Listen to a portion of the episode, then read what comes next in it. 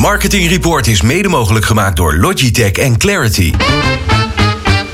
Marketeers vertellen hun beste verhalen hier in Marketing Report. Het programma over media, data, marketing, communicatie en technologie. Elke derde dinsdag van de maand van half zeven tot acht. Dit is Marketing Report, een initiatief van Mediabureau Zicht en Media Meetings. Met vandaag Onder andere Johan Smit. Hij is uh, directeur van platform mediaadviesbureaus. Onder andere Michel Palme, agency director van Just Another Media Network. Ton Verlind, journalist. Hij heeft een schitterend boek geschreven. Daar gaan we over praten. Annette Rijersen van Buren. Zij is hoofdcommunicatie Oranje Fonds. En we praten zoals altijd met René Zeedijk. Dit is Marketing Report op Nieuw Business Radio. Ja, en als eerste gast mag ik verwelkomen Annette Rijersen van Buren. Ja, ik zei het al, uh, jij bent hoofdcommunicatie van het Oranje Fonds. Heel fijn dat je er bent. Ik vind het heel leuk om er te zijn. Nou, en dat kan je ook zien. En wat ik zo leuk vind, dat, uh, kijk, we houden natuurlijk allemaal van uh, marketing. Hè? De, de, bedoel, daar gaat dit programma uiteindelijk over. Maar bij jou is het wel echt heel aanstekelijk, moet ik zeggen. Ja. Nee, echt waar, ja, je bent dol op marketing. Ik vind marketing, ja, het is semantiek, branding, gedragsverandering die erbij gepaard gaat, vind ik ja, geweldig om te doen. Ja, precies. En dat straalt je aan alle kanten uit. Dus daarom is het extra feestelijk dat je er bent. Uh, Annette, uh, jij bent eigenlijk net begonnen pas bij, bij, uh, bij het Oranje Fonds. zou jij mij in het kort willen vertellen wat, jou, wat jouw belangrijkste taak is? Ja, dat kan ik in het kort proberen. Het Oranje Fonds is het grootste sociale fonds in Nederland. wij vinden dat in Nederland niemand er alleen voor hoeft te staan en eigenlijk iedereen de gelijke kansen zou moeten hebben. Mm -hmm. uh, daar doen wij heel veel voor. Um, echter is het zo dat wij als Oranje Fonds voornamelijk bekend zijn met onze submerken. En al doet Burendag en Maatjes gezocht. Wat hele mooie initiatieven zijn. Uh, maar daarnaast doen wij zoveel meer uh, op het gebied van het steunen van sociale initiatieven gebied van armoede, eenzaamheid, mhm. psychische kwetsbaarheid. En dat moet het duidelijker naar voren, naar voren gaan komen. Dus de naamsbekendheid zit wel goed. De inhoudsbekendheid mogen we stappen gaan maken. Ja, leuk. Wat een heerlijke uitdaging. Ja, dit ja, is een hele leuke uitdaging. Je geeft nu in feite gelijk al aan waar, waar best wel een groot probleem ligt. En ik denk ook dat het helemaal niet zo gemakkelijk is om, uh, om die boodschap uh, te gaan vertalen naar uh, communicatie. Want ja, Burendag en zo, dat is een duidelijk verhaal. Maar uh, wat je bijvoorbeeld uh, aanhaalt, uh, eenzaamheid, psychische gesteldheid van mensen, zeker in deze, ja. of na deze tijd. we zitten er eigenlijk nog een beetje in. Wat, hoe, hoe, heb je daar al een paar ideeën over waar je eens over kan zeggen wat jullie gaan doen? Of is dat iets te vroeg? Het is de, het overkoepelende, de belofte waar we naar op zoek zijn. En, en ook het aangeven van de relevantie van wat wij aan het doen zijn. Daar zijn we echt aan het zoeken. maar wij willen een van de dingen die we nu echt wel mee bezig zijn, is veel meer vanuit de inhoud het merk bouwen. Mm En uh, wat heel veel mensen bijvoorbeeld niet weten, is dat wij al begin verleden jaar een heel groot uh, corona-sociaal herstelfonds hebben opgericht. Precies, daar wilde ik naartoe. Ja, en dat gaan wij nu, zijn we nu weer mee bezig. Het ministerie van WWS heeft, is daarin meegegaan, heeft een, ook een miljoen uh, gedoneerd. En daar willen wij veel meer over communiceren. Wat we daarmee doen, welke mensen we helpen daarmee. Maar echt ook het agenderen van de problematiek in Nederland. Mm -hmm. Er zijn gewoon echt heel veel mensen in Nederland die onder de armoedegrens leven. Veel mensen die. Psychische kwetsbaarheid is nog steeds onbespreekbaar of moeilijk bespreekbaar. Ja. En daar willen wij gewoon met, uh, met ons Corona Sociaal Herstelfonds uh, aandacht op van gaan vestigen. Ja. Um, en, en, kun je dat wat concreter maken? Dus um, VWS die uh, stort een miljoen. Ja. Wat ik eigenlijk eerlijk gezegd helemaal niet zoveel vind. Als, ik, als je kijkt dat ze een miljard stoppen in een mislukt project. Wat uh, testen voor toegang ja. heeft. Maar dat even terzijde. Ja, ik wou net zeggen, laten we daar niet over hebben. Ja, ik kan die laten we dat toch even te zeggen. Um, nee, maar, maar um, uh, het, lijkt mij, het lijkt mij zo ingewikkeld. Uh, wat, wat kunnen jullie vanuit dat fonds voor mensen betekenen? wij zijn een, een, fonds wat sociale initiatieven steunt. Dus ja. wij zijn niet zelf de partij die de oplossingen zoeken, maar wij gaan op zoek. Maar voornamelijk de sociale initiatieven komen naar ons toe. Dus dat zijn uh, initiatieven, dat zijn er duizenden in Nederland, die vanuit uh, vrijwilligerswerk dus van alles doen om mensen die in armoede leven, voedselbanken, uh, buurthuizen, et cetera, die dus er van alles aan doen. Voor sociale of psychische kwetsbaarheid werken we bijvoorbeeld met Mind, een hele grote partij in Nederland, die werkt niet eigenlijk het voorportaal voordat mensen terechtkomen in de geest, in, in, in, echt in de hulpverlening. Mm -hmm. En wij zijn dus de partij die dus financieel die partijen helpt. Die sociale initiatieven. Maar ook op het gebied van kennis. We werken met kennispartners, PwC, Samhout, et cetera. Om die bedrijven weer groter te leren maken. Mhm. Eh, we zorgen dus voor vrijwilligers, waar er echt een probleem is. Dus hierbij een oproep, jongens, word vrijwilliger. Al is het maar één dag in de week, één dag in de maand. Je doet zoveel goeds. Ja. Eh, daar zorgen wij ook voor. Dus wij leveren capaciteit, vrijwilligers en erkenning voor die initiatieven. Ehm, als je dan kijkt naar eh, branding. Ja, want daar hebben we het eigenlijk over. Hè, hoe moeilijk het is om, Ja. om, dit soort dingen voor het voetlicht te brengen. Ehm, als ik nou eh, kijk, en dat had je dit al even aangegeven in het begin. Jullie zijn bekend van eh, de Burendag. eh, natuurlijk van het beschermpaar. de, de, de, de, koning en de koningin. Ehm, je heet ook Oranje Fonds. ja. Ja. nou ja, toch? Ehm, en jij gaf al een beetje aan dat jullie eigenlijk veel meer een andere kant op willen. Dus dat het oranje is natuurlijk in je naam en dat is ook niet zo gek. Maar eh, dat jullie eh, toch naar een ander soort branding gaan. Dus dat, dat oranje, dat feestelijke zeg maar. Ja, dat is soms gevoel. heel erg jammer dat wij, eh, dat de associaties die, en daar, is, daar hebben mijn collega's, mijn voorganger ook heel hard aan gewerkt. En dat gaat echt veel beter. De associaties waren nog veel meer gericht op Koningsdag, Ja, eh, ja. voetbal, eh, terwijl dat helemaal niks met ons te maken eh, heeft. Eh, dus daar zijn echt wel stappen gezet. Maar eh, ja, we communiceren nu over 20% van wat we doen. En die, die overige 80% is ook zo mooi. Maar ja, de uitdaging is wel, als je heel veel doet, hoe breng je dat simplistisch en relevant, onderscheidend eh, naar, het, naar het publiek, maar ook naar sociale initiatieven en eh, institutionele partijen waar je toch ook het verschil mee wil gaan maken. Dus Ja. het, is, het is een uitdaging, ja. Is er nou, jij zat hiervoor, zeg ik maar even een beetje on- oneerbiedig in de, in, de, in de boeken. Ja, Hè? Eh, eh, leesbevordering. Misschien iets netter. Ja, dat is beter, ja. Ehm, ja, nee, goed, daar kan je nog even meer over vertellen. Want ik, wat ik eigenlijk heel graag wil weten eh, is... heb jij veel op dit moment, wat je allemaal moet gaan doen voor het Oranje Fonds... heb je dan veel aan datgene wat je geleerd hebt en gedaan hebt... ten aanzien van leesbevordering? Want dat is natuurlijk eigenlijk ook wel een, een, een, best ingewikkeld verhaal om, om te communiceren. Ja, ja, nou ja, daar zit je natuurlijk. Alles wat ik doe, ehm, richt ik me op gedragsverandering. Want dat is uiteindelijk wat we willen. hè. We, we kunnen zeggen, ja, het gaat om sales, het gaat om conversie. Maar dat is ook gedragsverandering. Dus uitgaande van wat drijft mensen, wat houdt ze tegen, wat zijn triggers, wat zijn eh, de normen en waarden. En, en dat onderzoeken. Dus dat heb ik bij boeken heb ik dat gedaan. Waarom lezen mensen wel? Waarom lezen mensen niet? Wat zijn percepties? En daaraan werken en, en, en, eh, en tweaken daaraan. Dat heeft mij heel erg geholpen. En dat is wat ik hier ook weer kan gaan toepassen. Maar oorspronkelijk kom ik uit de financiële dienstverlening. Daar was dat eh, de meest grote uitdaging natuurlijk. Want Ja. ja. ja, er zit geen relevantie op financiële dienstverlening. Weinig onderscheidend vermogen. En eh, ja, toen ik er werkte was het onder andere tijdens de crisis. Dus de geloofwaardigheid was ook niet... eh, Je holt eigenlijk van crisis, naar, van crisis naar crisis. hè? en je neemt ons allemaal, allemaal gewoon mee. heerlijk. Ja, geweldig. Nou ja, eh, en dan nu Oranje Fonds. Ja. Ehm, eh, volgens mij is daar in de afgelopen tijd enorm veel veranderd. ja, klopt. Een, een, een, een nieuwe directie, Ja, nieuw managementteam. ja, Daar zit jij in. ja. Ehm, en hoe zit het met het bestuur? Het bestuur zijn eh, op het, over het algemeen nog dezelfde mensen. Met de wissel die normaal plaatsvindt binnen bestuur na vier Ja, ja. jaar of na acht jaar. Mhm. Dus daar is niet veel veranderd. Maar de directeur is nieuw. Een hele, hele goede, sterke vrouw. En, eh, Alleen maar vrouwen, ja, geloof ik, of niet? Ja, klopt. Dat is toch een schande? Ja, nee, eindelijk. ja, we go girls. Ja. En, ehm, en drie, eh, drie, eh, vier managers dan nog, of hoofden van de afdelingen, waarvan drie al er werkten, maar uit de afdelingen komen. Twee en, en ik van buitenaf. Ja. Ja, net begonnen. Voel je je thuis al? ja vanaf Ja? dag één. Het was heel spannend, want ik ben, ik ben eh, aangenomen via Teams. Dus Oh, waar je normaal dit soort ja. belangrijke keuzes maakt eh, op basis van gevoel. Je komt binnen ergens, je ziet mensen. Nou ja, je weet wat je allemaal mist als je naar Teams voor zo'n scherm zit. En ik heb op basis daarvan een hele belangrijke beslissing moeten nemen. En dat vond ik heel spannend. Maar ik had zoiets van ja, weet je, ik kan nu wel niet doen. En het was vanaf dag één dat ik daar toch binnenkwam toen het eindelijk Ja. mocht. Heel fijn. Ja, Ja. het is een hele fijne club met mensen. Professioneel, gedreven.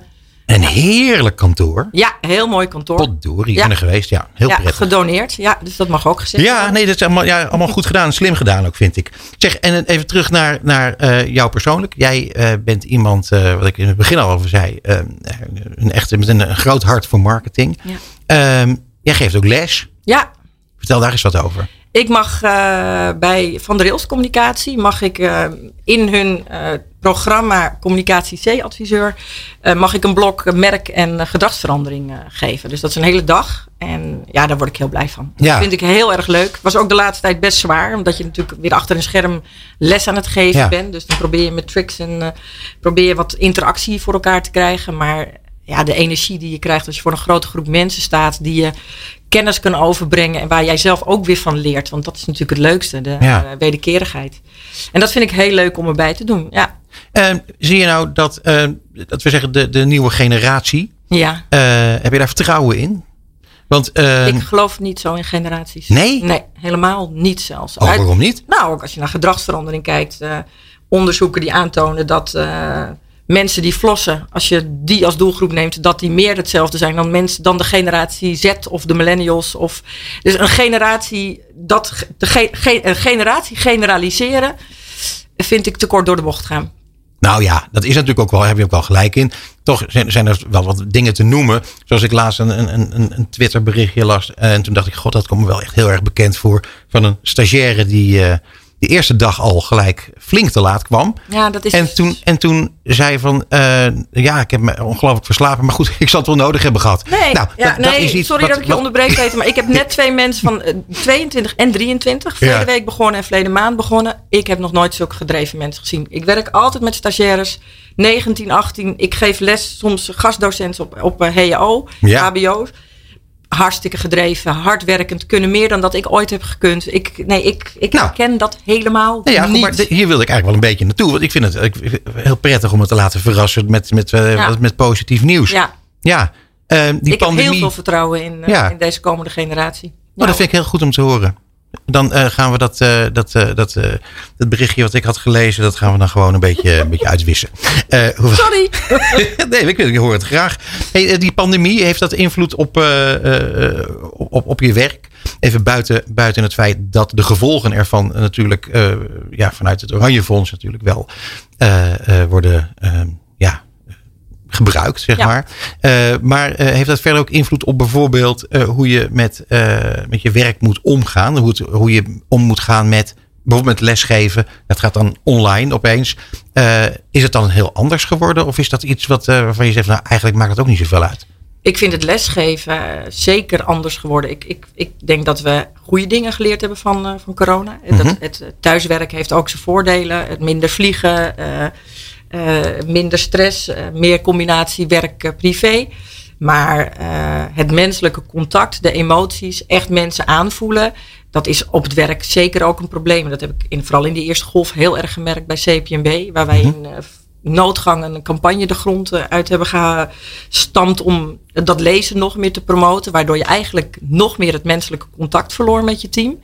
En uh, pas later realiseerde dat je dat eigenlijk had moeten compenseren. Meer juist dan andersom. Dus ik vind het. Uh, ik ben heel blij dat we op een gegeven moment weer naar kantoor konden. Ja, ja. ja. ja ik vind het, het menselijk contact extreem belangrijk. En dat vind ik ook een hele mooie learning. Ik heb vaak toch wel met vakgenoten die in de digitale, aan de digitale kant zitten, die toch ook zeiden: joh, alles kan digitaal. Ik heb altijd gezegd, jongens, daar ben ik het totaal niet mee eens. Ik ook niet. En dan ben ik misschien een oude nou, plak er wat achter. Um, maar ik geloof heel erg in het menselijk contact. En, en, en dat mensen, de, de, experience economy, is, uh, daar geloof ik in. En zeker gemak is belangrijk, maar we willen ook voelen, ruiken, zien. En dat moet je met elkaar combineren. Nou, dat wordt het hybride werken. Je werkt ja. thuis en je werkt op kantoor. En ja, cherrypicking. Ja, dat gaat nog hele mooie dingen opleveren, ja, denk ik. denk ik ook. Ik wil nog even terug naar uh, het merk in zijn ja. algemeenheid. Want jij hebt uh, iets heel moois gezegd, vind ik. Dat heb ik vanmorgen opgeschreven. Uh, om daar nu even over te hebben. Want jij zei, dat vond ik echt schitterend. Mensen hebben bruggetjes nodig ja. om keuzes te maken. En toen zei je, en merken zijn bruggetjes. Nou, dat is toch een. Dat, ja, ik bedoel, buiten het feit dat het een prachtig, prachtige zin is. Leg even uit. Nou, 2010 ben ik me meer gaan verdiepen in uh, neuromarketing was dat toen nog. Gedragsverandering was toen iets minder bekend. Omdat nou, in die financiële industrie, de dienstverlening, uh, hoe ben je nou onderscheidend, et cetera. Neuromarketing gedaan, onderzoeken en bleek dat letterlijk de hoofden, de hersenen van mensen op rood slaan, op non-actief, als je het woord pensioen gebruikt. Hè, dat is toch 30.000 jaar op die steppen rond uh, hupsen. Dan is dat toch iets te ver weg nog steeds Ja. voor ons genetisch. En daar ben ik me meer in gaan, eh, gaan verdiepen. Nou, dan kom je eigenlijk heel snel bij Daniel Kahneman uit. Systeem 1, systeem 2. Nou, en die zei toen al in de jaren 80 van joh, eh, 95% van de keuzes die mensen maken is puur intuïtief. Wij denken allemaal, oh, maar ik niet. Ja. Nou, ze zeggen nu eigenlijk, zeggen gedragswetenschappers al 97%. En binnen een seconde daarna heb je je argumenten. Dus het is allemaal heel intuïtief wat we doen. We, we, dus het oude kennishouding gedragmodel, wat nog steeds heel veel bedrijven gebruiken, is compleet passé. En dat weten we allemaal, maar toch blijven het gebruiken. Terwijl het begint met je gedrag en daarna je kennis en je houding. Ehm, dus je moet heel goed nadenken over wat zorgt er dan voor dat mensen dus die keuzes maken. Als het dus intuïtief is. Nou, dus mensen hebben ezelbruggetjes nodig, prikkels nodig, herkenning nodig. En een merk is zo'n ezelsbruggetje, waardoor je weer gedacht, waardoor je weer nadenkt over iets van, ah, daarom kies ik daarvoor. Dat is de associatie die ik ermee heb. Een, een, een totale set aan associaties. Dat is waar je eh, als merkenbouwer eh, naar, naartoe werkt. Het is een verrukkelijk verhaal. Ja, echt waar. Ik vind het een prachtig verhaal. Annette, ik wil je bedanken voor dit Ja. gesprek. En ehm, eh, heel fijn dat je hier naartoe bent gekomen. Ik wil nog even zeggen dat het, of herhalen, dat het ongelooflijk verstandig is allemaal. Om eh, in elk geval iets van je tijd te gaan gebruiken om vrijwilligerswerk te doen. Dat echt, doe dat. Je wordt er heel gelukkig van namelijk. Het klinkt Kijk. heel raar, maar het is echt zo. En daar sluit ik graag mee af. Dit was Annette Rijersen van Buren, hoofdcommunicatie Oranje. Fonds. Graag gedaan. Zicht op media met René Zeedijk. Ja, en zoals iedere maand wordt het nieuws geduid door René Zeedijk. Dit keer vanuit Frankrijk. Hey René! Hey Peter. Waar zit je, Hallo. jongen? Ik zit eh, in Zuid-Frankrijk, in het hele mooie dorpje La Grave-en-Mer. Wat heerlijk. Eh, helemaal in het zuiden, net voorbij Saint-Tropez. Daar zit ik nu. Heerlijk. En ik kijk nu uit op de Middellandse Zee. Potdorie. Ja. jij wel. Dus, eh, Nou ja, ja. ik wel, ja. Ja, Sorry. ja, Ja, ja. jullie hebben het Mediapark. Ook mooi. ja, zeker. Nee, Nee, nee, laten we gelijk van start gaan, want we, we hebben altijd Ja. te weinig tijd om, om met elkaar te praten. Jij Mhm. duidt het nieuws en dat ga jij nu doen vanuit, eh, Ja. vanuit Zuid-Frankrijk. En dat vind ik, Nou, dat dat vind ik heel eh, met alle liefde. Vertel op. Dat doe ik uiteraard eh, graag. Nou, allereerst natuurlijk eh, was ik eh, eh, nou, ook heel erg blij eh, bijna twee weken geleden. Toen, eh, toen we eindelijk eens een keer een zakelijk event hebben. Nou, eh, jij weet er alles van, want Ja. het is jouw event. Hè? De, de Media 100 en de Marketing 100 uitreiking in, de- in de Kromhouthallen. Eh, wat een fantastisch evenement. Echt waar, dikke complimenten. Nou, ik heb het al wel. jou een andere keer al, eh, al even gezegd. Ja, ik, eh, nou, wat zal het zijn geweest? 200, 250 mensen die daar een hele fijne, mooie avond hebben gehad. En ook blij waren natuurlijk dat het weer kon, hè? Eh, Nou. nou, wat ik vond, Uitgelaten. een beetje geluk volgens mij, hè? Ja, uitgelaten, ja. Nou, we hebben enorme mazzel gehad, want eh, Ja. eh, ja, daarna ging het opeens weer mis. En, eh, De- Precies, twee dagen later eh, was het natuurlijk weer iets ander nieuws eh, wat dat betreft. ja, ja. Nee, maar dat was hartstikke mooi. En eh, ik was niet alleen in de avond, ik was eigenlijk al heel erg vroeg om, eh, om drie uur. Omdat we, eh, ehm, en dat weten denk ik nog weinig mensen, de eerste whitepaper sessions hadden. Dat is eigenlijk een plan wat ongeveer een jaar geleden is ontstaan. Om kleinschalige eh, evenementen voor marketeers te organiseren. Om echt, nou, wat het naam al zegt, whitepaper presentaties te geven. Gewoon echt nieuwe onderzoeken, nieuwe gegevens, eh, echt delen met marketeers. Nou, dat is natuurlijk steeds een beetje uitgesteld geweest. Maar nu was het eindelijk zover eh, en mochten we 's middags om drie uur ja, ik denk ongeveer aan 20, 25 mensen. eh, ja, 25 nou, hele leuk, ja, 25 mensen leuke presentaties geven. En Joris van Heukelom was de moderator. Ja. Complimenten weer voor Joris, maar dat, dat weten we van tevoren altijd wel. Dat, dat komt wel goed. Ehm, en hij had zijn collega Thomas Wolters meegenomen van, eh van Elevator, is onderdeel van Maker Street, zover ik goed weet. Ja, die had een heel leuk verhaal over, over data en over groei eh, gepresenteerd. Onder andere oude case van zijn vorige week gegeven Traffics, is de reisorganisatie. Mhm. Maar ook Jeroen de Bakker, die vroeger bij Talpa zat, die nu bij Airborne. Leuk over audio gesproken en de verschillen tussen podcast, streaming en wat, wat kun je er allemaal mee als marketeer. Maar ook eh, bijvoorbeeld eh, eh, Logitech, nou, onze medepartner van dit radioprogramma, eh, Joost Jette, die was aanwezig. En, en ja, natuurlijk, hij vertelde alles over de mogelijkheid over het hybride werken en, en wat die apparatuur van Logitech daarin kan, kan bijdragen. En ik vond een ontzettend leuk, inspirerend verhaal van Paul Alberts van Brandbase. Ik weet niet of heel veel mensen Brandbase kennen. Dat is eigenlijk de, de, de, het bedrijf wat vaak van die loyalty programma, eh, producten maakt voor loyalty programma's van onder andere van Shell. Hè, dus Ja, ja, sparen. wat en een verhaal, nou, hè? Dat Hey. is Brandbase. En zo. Ongelooflijk. Ja, die heeft natuurlijk, eh, die, ja, die vertelde dus dat hij eh, nou, een, een jaar een sabbatical heeft gehad. eh, drie landen heeft aangedaan met heel zijn gezin. Zijn gezin is ook hè, de kinderen op, op vakantie, of op, op school natuurlijk, Ja. tijdens, de, tijdens de, de, de reis.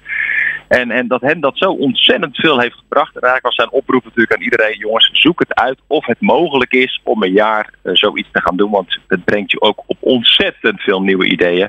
En zo zag hij op het strand van Bali en zijn zoontje enorm veel afval, van plastic afval. En dat bracht hem het idee van, laten we eens kijken wat we daar tegen kunnen gaan, gaan bewerkstelligen. En zo bedacht hij dus een drinkbeker die na zes maanden volledig is afgebroken. Ja. En, en ja, dat, dat vind ik wel heel, echt inspirerende man, inspirerend verhaal. echt hij kan het goed vertellen ook, vind ik. Ja, hij kan het heel goed vertellen, zeker. Ja. zeker. Ja.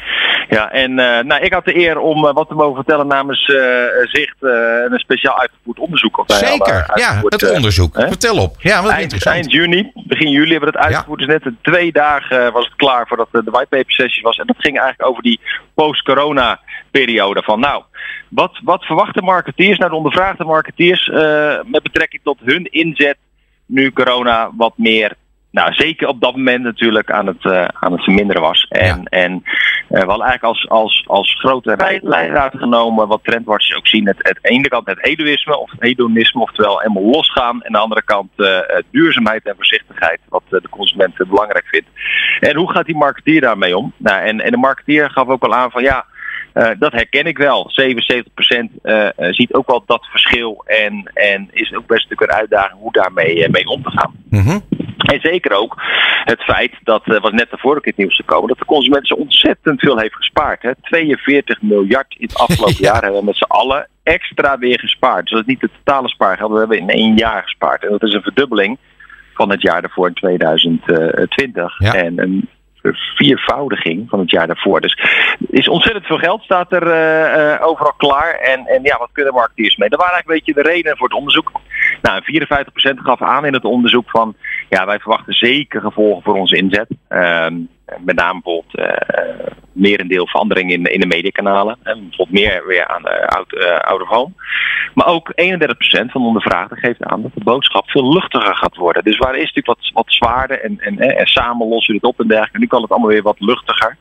Um, maar 8% ook door de, wat die trendwatchers zien, wijzigt de doelgroep. Gaat in meer doelgroepen werken en daarop allemaal verschillende boodschappen op loslaten. Omdat ze ook wel snappen van ja, de ene doelgroep zit misschien toch net even in een andere fase van, uh, van het leven.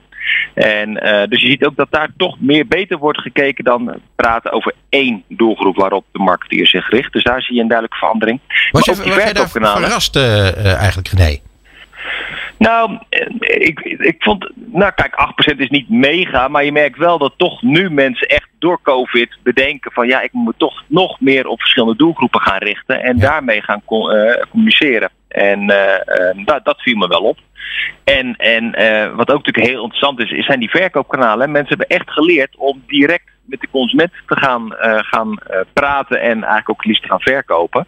Uh, dus je ziet een enorme groei op marketplaces en ook, ook eigen webshops die, die enorm zijn gegroeid. Ja. Met name natuurlijk in de COVID-tijd ja, dat de fysieke winkels voor een groot gedeelte dicht waren. Ja. Dus die marketeer die moest wel. Hè, en, um, en is dus ook eigenlijk is korte tijd veel slimmer geworden. En ook efficiënter. Je hoorde ook in de zaal dat diverse marketeers zeiden... Uh, van, ja, ik weet niet of mijn marketingbudget gaat stijgen. Het zou heel logisch zijn, maar wij hebben bijvoorbeeld verschillende lagen uit de organisatie gehaald. Of we zijn gewoon slimmer geworden in onze inzet, omdat we gewoon veel meer hebben geleerd dan vroeger. Ja. En dat vond ik wel echt uh, ook interessant om dat ook uh, te horen, ook in, in, in de zaal. Dat betekent dat we nog wel een paar white paper sessions gaan doen, René. He? Ja, zeker. Uh, wij zullen zeker meer, uh, meer onderzoek gaan, uh, gaan uitvoeren. Dat, dat kun je wel verwachten. Dat we specifiek laten terugkomen in die whitepaper sessies. Ja, ja. Er gaan er zeker nog wel een paar komen. Absoluut. Hey, en nog even kort over de, over de sportzomer geloof ik, of niet? Ja, ja, zeker. Dat is ook wel natuurlijk interessant om even nog uh, te volgen. Nou, het EK natuurlijk is een beetje vervroegd uh, afgelopen. Dat weten we. Nou, de Tour de France uh, afgelopen zondag, zover ik dat weet, afgerond. Ik, ik kijk er niet echt naar. En nu mogen we heel vroeg gaan opstaan voor de Olympische en de Paralympische Spelen, niet ja. vergeten, die eraan komen. Um, en, en ja, wat ik wel interessant vind, is wat gebeurt er dan met die kijkcijfers? Nou, en als je nu zo ziet dat normaal in de sportzomer stijgt de publieke omroep zo'n 3%. Maar nu in juni zat de NPO op 44,3%. En dat was het jaar daarvoor in juni, hè, in niet sportzomer, 35,2%. Dus zij ja, hebben ja. echt wel uh, uh, nou, drie keer zoveel als normaal. Uh, Airlines is wat gedaald. is nu 20,1, was 23,9 en Talpa is nu 13,8 geweest in juni en was 17,3. Dus je ziet dat bij Nou ja. allebei ongeveer evenveel marktendeel is weggesnoept. Ondanks hun doel om steeds in de avond toch proberen nog wat nabeschouwingsprogramma's in te zetten is dat toch uh, natuurlijk met name naar de NPO. Wat precies de Olympische Spelen gaat doen, ik weet het niet. Het is natuurlijk een beetje, uh, het is niet echt primetime. Er komt wel een primetime programma om half negen s'avonds. Echt met nabeschouwing de Olympische Spelen. Maar natuurlijk overdag en in de nacht zullen we zeker minder mensen gaan kijken. En Eurosport heeft alle live uitzendingen. En NPO heeft natuurlijk dat gedeeltelijk en zal ook veel met samenvatting en nabeschouwing gaan werken. Ja, maar, ik ben benieuwd of mensen een beetje, een beetje sportmoe uh, worden of zo. Ja, dat zou, dat zou best wel eens kunnen. Iedereen is ook lekker op vakantie. Dus ik verwacht uh, dat, dat de Olympische Spelen echt een stuk minder zal gaan doen. Door die, nou, met name het tijdsverschil van, van 7 uur. Ja. Um, dat die marketeer alvast uh, behoorlijk naar de ster is gegaan, dat, uh, dat mag wel duidelijk zijn. Want in de eerste zes maanden van dit jaar uh, had de ster een omzet van 97,2 miljoen eh, euro. terwijl dat een, een jaar daarvoor dezelfde periode 36% lager zat. Dus ze hebben het goed gedaan. Ja, ze waren en, echt helemaal vol. mooie, mooie omzetcijfers laten zien, ja. Dus ja. het gaat niet verkeerd, verkeerd ja. die omroep. Heel interessant. Ja, mag ook wel, hè? Ook goed, goed voor de staatskast. Nee, zo is dat. Zo is Toch? dat. Hey, ja. En dan uh, de laatste secondes nog eventjes wijden misschien aan uh, Jeff Bezos, die net uh, de, de, ruimte in is gegaan met een, een, een, een 18-jarige ja. Nederlandse miljonair. Ja. dat was een succesvol, succesvolle vlucht. denk mm -hmm. jij dat, dat dat een succes gaat worden, de ruimtereizen? Poef, nou voorlopig niet. Uh, dat, dat kan me nog niet zo voorstellen. Uh, het zal natuurlijk maar een paar keer per jaar gaan uh, gebeuren, denk ik. Nou, ik, ik denk dat we het voorlopig kunnen we wel nog wel vergeten, denk ik, Peter. Wat wel interessant Het is wel een leuk was. onderwerp, maar dat gaat wel heel langzaam natuurlijk. Maar natuurlijk dat we steeds verder gaan kijken, dat mag duidelijk zijn. weet je wat ik heel erg interessant vond, René? Dat, nou. dat zij gingen de lucht in en echt, echt, nou ja, goed, meer dan 100 kilometer in de, in de, in de ja. lucht. En vervolgens zie je gewoon real-time en hoor je real-time hun enthousiaste reacties. Ja. En denk van, dat is, dat is toch eigenlijk wel onvoorstelbaar. Ik bedoel, in, in alles wat wij doen in het mediavak, mm -hmm. daar hebben we steeds meer ja. te maken met techniek. Maar als je dan ziet ja. dat hier kan, joh. Ik denk dat we daar als media, denk, uiteindelijk, van, van al die technische dingen die we kunnen, dat we daar toch steeds meer lol van gaan krijgen. Nee, tuurlijk, daar krijgen we steeds meer lol van. Maar uh, dat ben ik ook helemaal met je eens. En er zijn we ook steeds meer in staat natuurlijk om dat met, met audio en met video voor elkaar te krijgen. Maar dat we daar als marketeer gelijk heel erg mee omgaan, dat, dat zal nog wel, want zo kijk ik er nu naar, dat zal nog wel meevallen, denk ik, uh, voorlopig. Nou, als consument meegaan bijna live met zijn vlucht, dat is natuurlijk fantastisch. Ja, zeker. Het lijkt me ook echt leuk. Ja. Nou, nou goed, nee, uh, jij bent in elk geval. Uh, ik ga terug naar mijn strandbeetje, Peet. ja, en, uh, ik vind het heel vals dat je dat zegt. Succes nog even het komende uur. En, ja, dankjewel. En jij heel veel plezier. En, en volgende maand zien we jou gewoon weer hier in de Zeker, studio. Zeker, ben ik weer heel veel Tot dan. Hoi. Dag, Peter. Hoi. Dit is Marketing Report op Nieuw Business Radio. Ja, en uh, in de studio mag ik nu ontvangen Johan Smit. Hij is uh, directeur platform Media Adviesbureaus, PMA. En hij is ook bestuurder bijvoorbeeld bij uh, Stichting Nationaal Luisteronderzoek. Naast nog heel veel andere dingen. Johan, van harte welkom. Dankjewel, Peter. Goed dat je er bent. Uh, laat ik beginnen met het volgende. Uh, ik vond het namelijk heel erg leuk. Uh, jij hebt je heel erg bemoeid en heel standvastig heb je volgehouden. Jarenlang heb jij gewerkt aan een, aan een onderzoek, aan een meetmethode. En uh, Liedewij Hentenaar van het RAB, die gaf jou een groot compliment. Die zei namelijk dat zonder jou en zonder jouw volharding was het er nooit gekomen. En uh, dat vind ik leuk om even met jou daarover te gaan praten. Wat is er allemaal gebeurd? Nou, laat ik beginnen om te zeggen dat uh, mijn moeder mijn volharding niet altijd op prijs heeft gesteld. Maar fijn dat Liedewij het wel doet. Ja. Uh, ja, wat is er gebeurd? Er is heel veel gebeurd. We zijn daar een jaar of tien, elf mee, geleden mee begonnen. Ehm, omdat we toen dachten vanuit de mediabureaus... De, de manier waarop we nu aan het meten zijn is niet meer houdbaar. Daar waren we eigenlijk wat te vroeg mee. Zoals met veel dingen moet je, moet je ook wel... Alles moet samenvallen en, en, en lukken. Um, iedereen moet willen. Ja, nou ja, zelfs dat weet ik op dit moment niet alsof iedereen wil. Maar ik denk dat men wel de noodzaak daarvan heeft ingezien. En tuurlijk, elke verandering uh, brengt uh, uh, zorgen met zich mee. Mm -hmm. Maar we hebben wel met z'n allen, en het is fijn, en, en ik ga dat ook niet tegenspreken, zo ben ik dat ook weer niet. Het is fijn dat Liedewij mij volhardend vindt. Um, nou ja, we, 10, 11 jaar. Ja, er zijn natuurlijk ook mensen die noemen dat eigenwijs of nou ja. Uh, obsessief, monomaan. het is net hoe je het wil, hoe je het wil benoemen. Ja. Nee, maar het is ook niet een kwestie van dat ik tien of elf jaar geleden dacht, dit gaan we doen en dat gaat tien, elf jaar duren. Het zijn allemaal stapjes geweest. Mm -hmm. Dus je begint met iets dat je denkt van, hé, hey, toen wij de eerste keer begonnen uh, hierover na te denken, uh, toen, toen hadden we heel erg vertrouwen in de techniek en, en, en eigenlijk ook nog wel methodologie. Want ik weet dat we toen Andrew Green hadden van Ipsos. Die hadden we naar Nederland gevraagd en die ging voor een groep mensen uitleggen wat hij ging doen. En hoe het allemaal nieuw zou moeten. En die kwam met allemaal fusietheorieën en, en uh, moeilijke dingen. Dat we zeiden, nou, maar dit kan niet. Want zelfs als jij gelijk hebt, kunnen wij de markt niet meer controleren wat je aan het doen bent. Mm -hmm. En wij moeten natuurlijk, om te kunnen zeggen dat het klopt, wel snappen wat er gebeurt. En dat ging niet. Als ik zie wat wij nu weten, op heel veel verschillende niveaus, bij de adverteerders, bij de bureaus, bij de media owners, over dit soort zaken, dan is de kennis heel veel toegenomen. Uh, en dat maakt het nu mogelijk om wel stappen te zetten die we toen niet konden zetten. Iets anders is dat we in het begin heel erg geloofden in technologie. Hè. We hadden uh, zaken die konden aan het toetsenbord aanslag zien wie er achter de, de computer zat.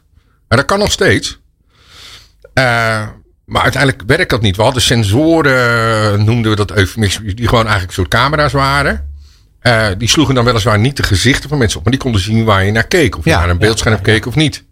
Dus ja, de, de, we hadden heel erg vertrouwen in de technologie. En een beetje vergeten dat dit uiteindelijk niet gaat over technologie, maar over mensen. Mm -hmm. die, die moeten willen, die moeten kunnen, die moeten het durven. Maar dat is uiteindelijk gebeurd. En dat uh, is, nou, heeft na tien jaar, uh, tien, elf jaar geresulteerd in een, in een, in een, uh, een wijze van, van onderzoek doen die eigenlijk crossmedia kan meten. Nou, helaas nog niet daarin geresulteerd. we moeten het nog leveren aan de mm. markt. Dus ik moet nog een kleine slag om de arm houden. Maar op papier en de manier waarop we nu aan het werk zijn, ja. En dat is wel een enorme vooruitgang en voorsprong geweest. En dat is ook wel een switch geweest in het denken. En dan met name denken van bijvoorbeeld de JIC-directeuren. En dan neem ik Finex even daarbij als JIC. Uh, die hebben toch bedacht dat je, als je dat crossmediale rapport wil geven aan de adverteerder. Want dat doen we het allemaal voor. Mm -hmm. Dat je bij het ontwerp al moet beginnen. En dat betekent dat we zeg maar de pilaren die we hebben, de silo's. Dus dat noemden we vroeger tv, radio, print en, en online. En dat noemen we nu lezen, kijken, luisteren, surfen of online. Daar zijn we nog steeds ja. niet helemaal over eens. Maar dat geeft al aan, we kijken niet meer naar print, maar we kijken naar waar mensen lezen. En dat lezen doe je af en toe op je smartphone als je een artikeltje krijgt van een krant. Uh, maar uiteindelijk zit je een e-mail ook te lezen. Ja. Als we die e-mail commercieel interessant vinden, kunnen we hem ongeveer gaan meten. Niet wat erin staat, maar wel of iemand hem opent. In, het, in de toekomst. En we hebben nu bedacht dat we dat aan het begin zo gaan inrichten. Dat als we dat dadelijk bij elkaar gaan brengen, dat het dan allemaal klopt. En daar zijn een paar dingetjes waar ik me ook geen enkele rekenschap van heb gegeven. Ik vraag me af, heel veel mensen wel. Maar bijvoorbeeld als wij nu aan mensen een vragenlijst voorleggen. Dan doen we dat voor radio en tv. Maar we stellen niet per se dezelfde vragen. Mm -hmm. Dus bijvoorbeeld vragen we bij de ene wat is je opleidingsniveau. En krijgen mensen drie of vijf categorieën waar ze uit mogen kiezen. En bij de andere vijf of zeven. Als ik die twee samen wil brengen. En dat moet als ik crossmediaal wil rapporteren. Dan moeten ze dus alle twee vijf of zeven of drie of twaalf hebben. Maakt niet uit hoeveel. Maar ze moeten allemaal precies dezelfde antwoordcategorieën hebben. Dat betekent dat radio en tv hun vragenlijsten moeten aanpassen. Mm -hmm. Eén van de twee of alle twee.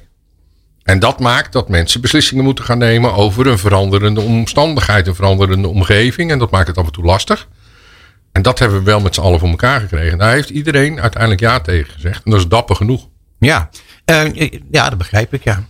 Um, oh ja, dapper genoeg. Het is grappig dat je dat zegt. Want uh, jij, jij, jij, gaf ook aan dat, dat uh, voor, voor al die partijen die hebben meegedaan, dat je dat ook heel dapper vond. Omdat ze ja, eigenlijk uh, voor die tijd daar eigenlijk niet aan durfden. Niet echt. als ik heel erg open mag zijn. Hè?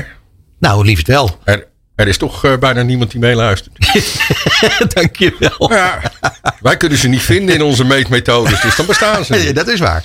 Nee, maar de, de, het is niet voor iedereen heel dapper. Ik denk dat voor tv is de beslissing uh, rationeel. Uh, dat is heel simpel. We gaan dadelijk bij tv een aantal schermen meten die we tot nog niet hebben gemeten. Mm -hmm. En dat betekent gewoon extra schermtijd, extra kijktijd, uh, extra GOP's. Dat is helemaal niet erg, want dat betekent dat we beter inzicht hebben in het kijkgedrag. Uh, voor print hebben we min of meer hetzelfde als we hadden, maar met een behoorlijke besparing gerealiseerd. Dus dat vind ik ook niet zo heel dapper om daar ja okay. tegen te zeggen. Oké. Waar de dappere zit, zit bij online. Maar daar is ook wel een noodzaak. Er was online geen standaard. En uh, je bent al jaren bezig met je crossmedia uh, awards en, en congres. Elke keer als ik daar naar kijk, dan denk ik, ja, het is een stapje in de goede richting. Maar naar mijn smaak zijn we er echt nog niet. En online gedrag meten en in kaart brengen is ontzettend moeilijk. Uh, niet zozeer vanwege het gedrag wat er gebeurt op een, op een uh, apparaat. Mm -hmm. Maar hoe kom ik van het apparaat naar een persoon? Bij een smartphone gaat dat makkelijk. Bij een PC wordt dat heel lastig. Wie zit er eigenlijk achter? Dus daar is het, vind ik het wel dapper. Omdat mm -hmm. uh, we een hele scheve markt hebben. Het grootste deel van de markt wordt opgegeten door Google en Facebook. En die betalen niet mee aan het onderzoek. Dus wij moeten voor een relatief klein deel van de markt een behoorlijke investering doen om dat goed in kaart te kunnen brengen. Het allerdapperste vind ik het van radio. Ik vind echt dat de radioproducenten of uh, zenders uh, een, een hele dappere stap vooruit hebben gemaakt. Uh, als ik het heel plat sla, die krijgen wat minder GEP's, want we gaan ze anders meten. En het onderzoek is substantieel duurder geworden. Waarom ik denk dat de radiozenders daarmee in, zijn, in hebben gestemd, is omdat ze een één moeten de huidige methode is gewoon verouderd. Een toenemende fragmentatie en luister op verschillende platforms. Maar met name uh, is de mogelijkheid voor radio nu gekomen om hun online inventory te combineren met hun traditionele lineaire inventory. En ze komen naast tv in de planningssystemen bij de mediabureaus. En dat geeft de mediabureaus en uh, de adverteerders de mogelijkheid om uh, radio, net als alle andere media, en dan met name tv en online natuurlijk af te wegen en een keuze te maken. Ik denk dat radio daarin wint. Radio heeft een veilige omgeving, heeft een gecureerde inhoud, is vertrouwd. En uh, ja, dat maakt het mogelijk, denk ik, voor de Nederlandse zenders om een, om een beter offer te maken, een beter aanbod. Ja, interessant. Ja, het, het grappige met radio is natuurlijk dat jarenlang is geroepen, zeker zo tegen het einde van de vorige eeuw, dat de radio zou verdwijnen. en daar is erg weinig van gebleken. Gelukkig. Ja, ik, ik heb zelf in de jaren, begin jaren 2000, ik kwam dat laatst tegen toen ik op zoek was naar een presentatie. En je gaat dan door je archief heen en dan zie je af en toe wat.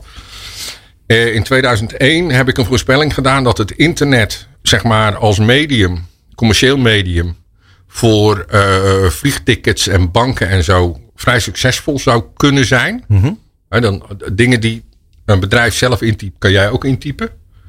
Maar dat dat voor kleding en eten echt niet ging gebeuren. Kleding moet je voelen, moet je ruiken. Dus ik wil maar zeggen. Auto's? Vraag, vraag mij vooral niet om de toekomst te voorspellen. Uh, ik ben daar niet goed in. En, en met mij velen. We hebben ook gezegd dat de kranten dood zouden zijn.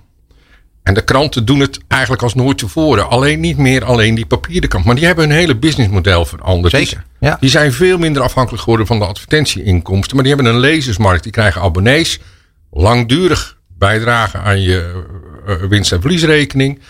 Maar die lezers, die kun je ook uh, bewegen om flessen wijn te kopen of een Rijnreisje te maken.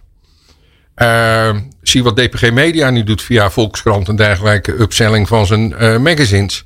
Dus je kan daar veel meer mee als je niet meer zo afhankelijk bent van de advertentiemarkt. Maar dan moet je je businessmodel aanpassen. Dat heeft lang geduurd, maar ze zijn levender als ooit tevoren. Ik ben het met je eens. Maar, maar toch zou je toch iets meer credits mogen nemen. Want het feit dat je hebt ingezien dat het verstandig was om die meetmethodes te gaan veranderen. Of in elk geval aan te passen, te, uit te breiden, te gaan combineren. Uh, dat heeft dan toch wel eigenlijk een zekere, een zekere voorspellende waarde.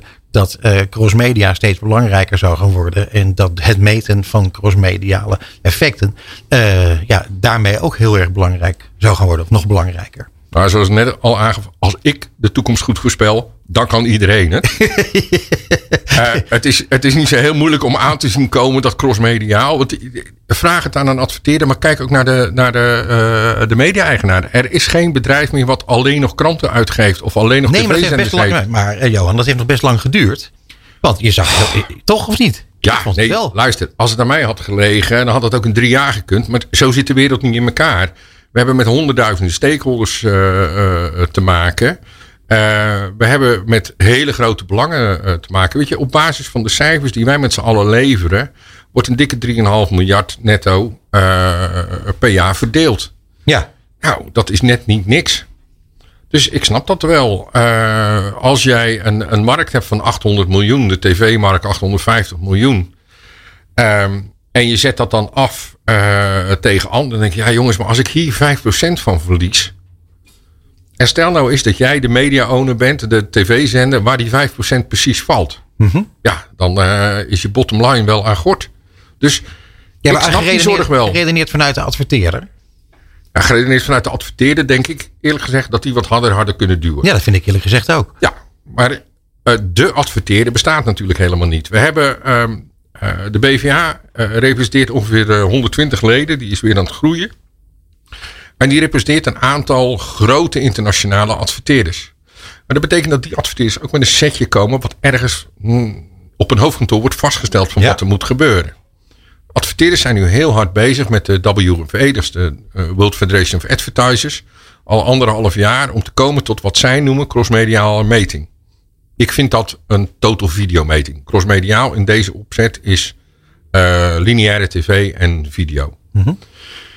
Ik denk dat radio, maar ook buitenreclame, een serieuze plek heeft uh, in de mix van internationale adverteerders. Naast tv is denk ik buitenreclame het enige medium wat echt een massabereik kan uh, genereren. Radio op zich ook, maar natuurlijk is dat meer versplinterd omdat er een vaste luistergedrag is. Dus je, er wordt minder geswitcht. Als je dan, uh, dan denk ik dat de adverteerders wat harder hadden kunnen uh, ageren op het feit dat ze dit voor elkaar hadden willen uh, krijgen. En eerder, want jongens, het is heel simpel, maar de adverteerder betaalt voor alles. De adverteerder betaalt aan een, een, een media-eigenaar voor de plaatsing van reclame. En in ruil daarvoor vragen ze nu een bewijs dat dat goed is gegaan. Ja, precies. Maar ze hadden ook, naar mijn smaak, harder kunnen duwen en zeggen: ja, maar we willen niet alleen dat bewijs dat het goed gaat. We willen ook die inzichten in wat er gezamenlijk gebeurt. Maar goed, ik hoef jou niet te vertellen hoe lastig crossmediaal meten is. Uh, met, vanwege de online uh, component die betrekkelijk ongrijpbaar is. maar ook omdat je, ja, je kan radio en tv GEP's wel bij elkaar optellen. Maar dan moet je wel weten welke mensen hebben en de radio en de tv-uitzending gezien. Mm -hmm. Want die moet ik weer uit, eruit halen, moet ondubbelen. En dat kon niet. Dat Ja. gaan we nu doen. Dat is een winst. Ehm, ik denk dat de adverteerder daar enorm veel uh, baat bij heeft. Eh, ik denk dat je gelijk hebt. Hoe, hoeveel tijd gaat het nog kosten om dit helemaal eh, eh, perfect draaiend te krijgen? Tenminste, dat, laten we zeggen, perfect genoeg. Ja, perfect genoeg. Dat klinkt bijna tegenstrijdig.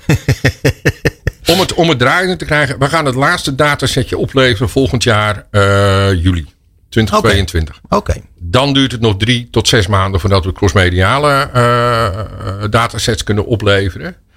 Ik denk dat dit de laatste keer is dat we zo'n soort RFP hebben gemaakt. Zo, zo hebben gevraagd, van zo moet het er allemaal uit gaan zien. En daarom denk ik ook dat het, wordt niet perfect en ook niet perfect genoeg. Het wordt goed genoeg.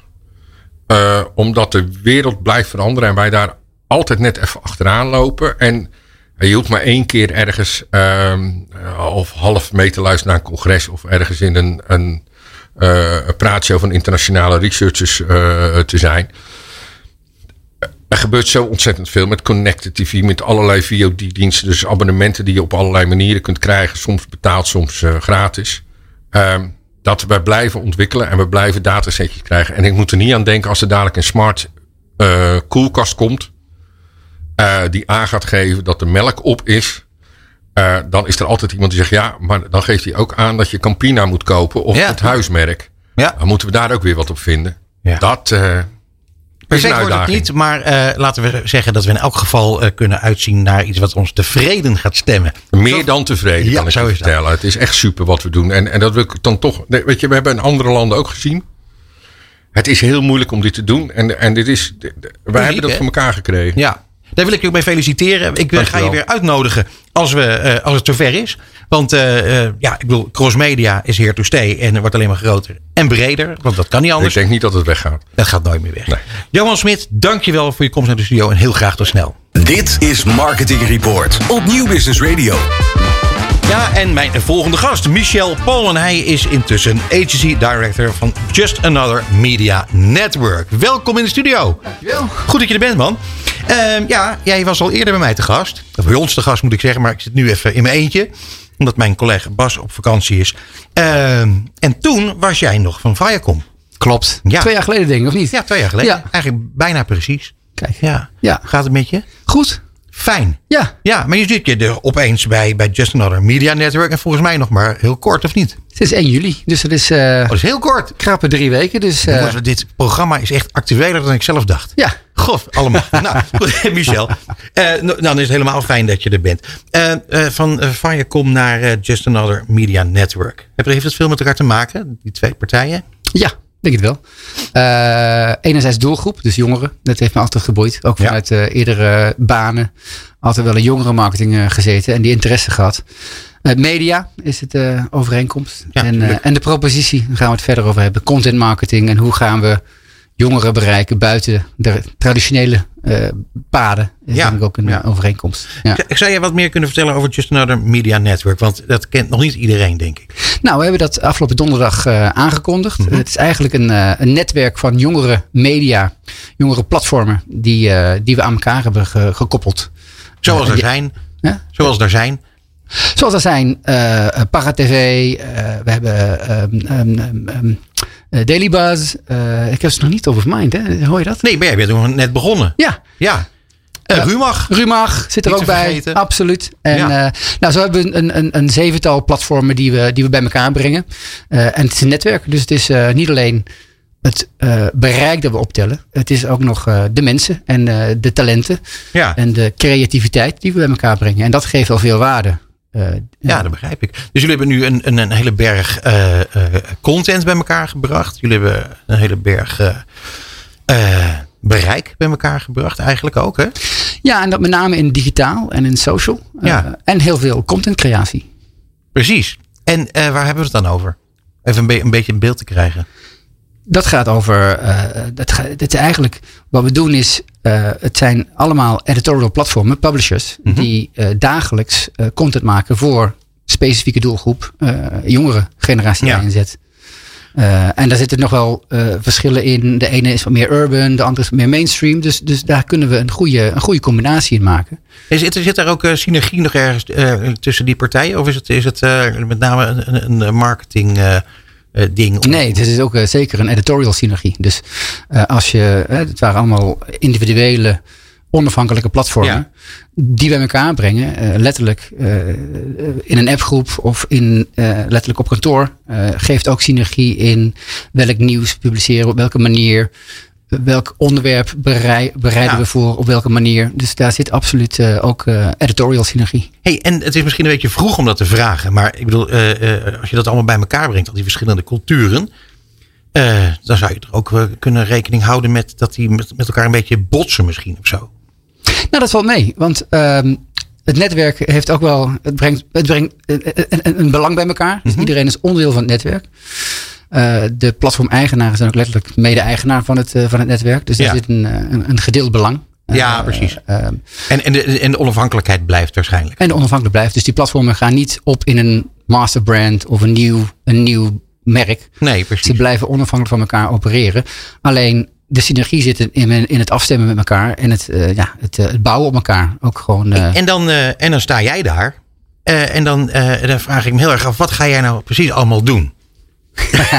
ja, ik bedoel, het, het, het, Ik ben, eh, interessant. Ja, nee, ik ben gevraagd om eh, agency director te worden. Dus eigenlijk het, eh, het, het bureau Ja. te gaan leiden.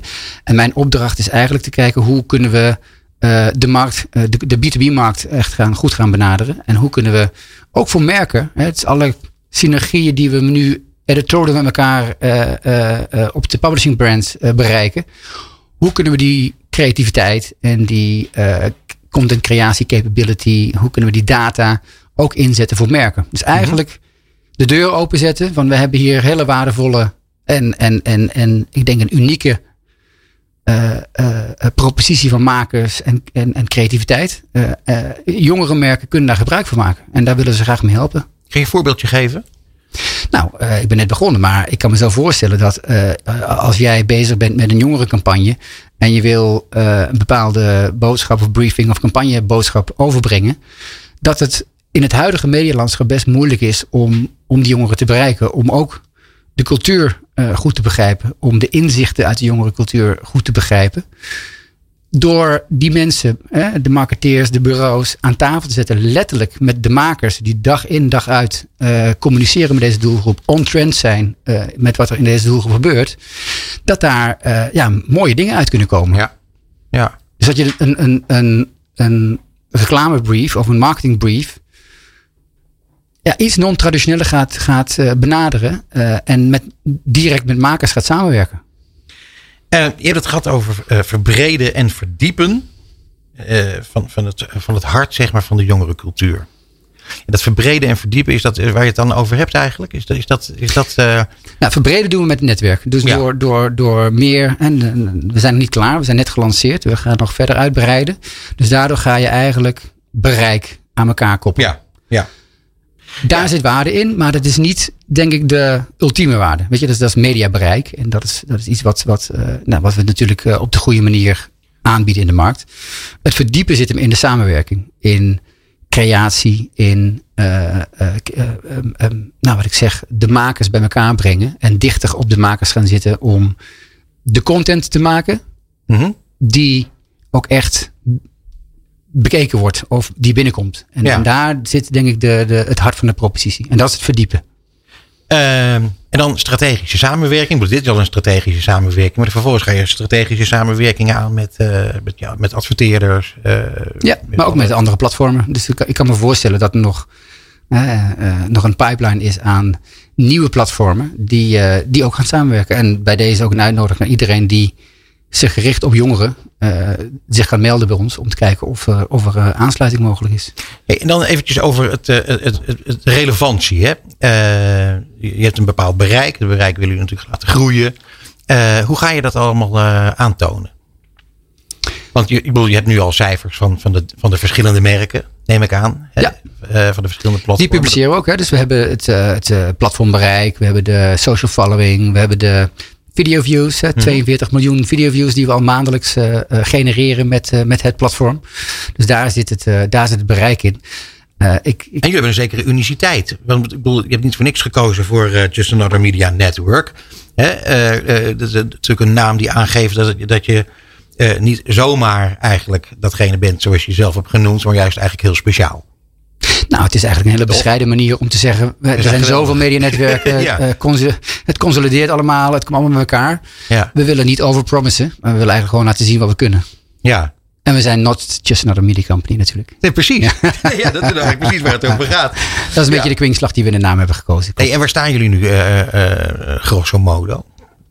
Nou, we zijn net gestart. Eh, eh, wat ik zeg, het, het, het startpunt is, eh, is krachtig. De bereikcijfers die we net noemden zijn al significant. We zijn aan de achterkant natuurlijk wel nog bezig met hoe gaan we dat allemaal goed aan elkaar verbinden. Ja. Hoe gaan we de techniek daarachter goed organiseren. En ook wel meteen, hoe gaan we op korte termijn ook wel meteen doorpakken en uitbouwen. Ja, en hoe ziet dat doorpakken er dan uit? Nou, ik kan niet alles zeggen, maar er zijn wel wat eh, aankondigingen die eraan zitten te komen. En dat zijn wel eh, interessante strategische samenwerkingen met eh, nog wat grote, grote, grote platformen.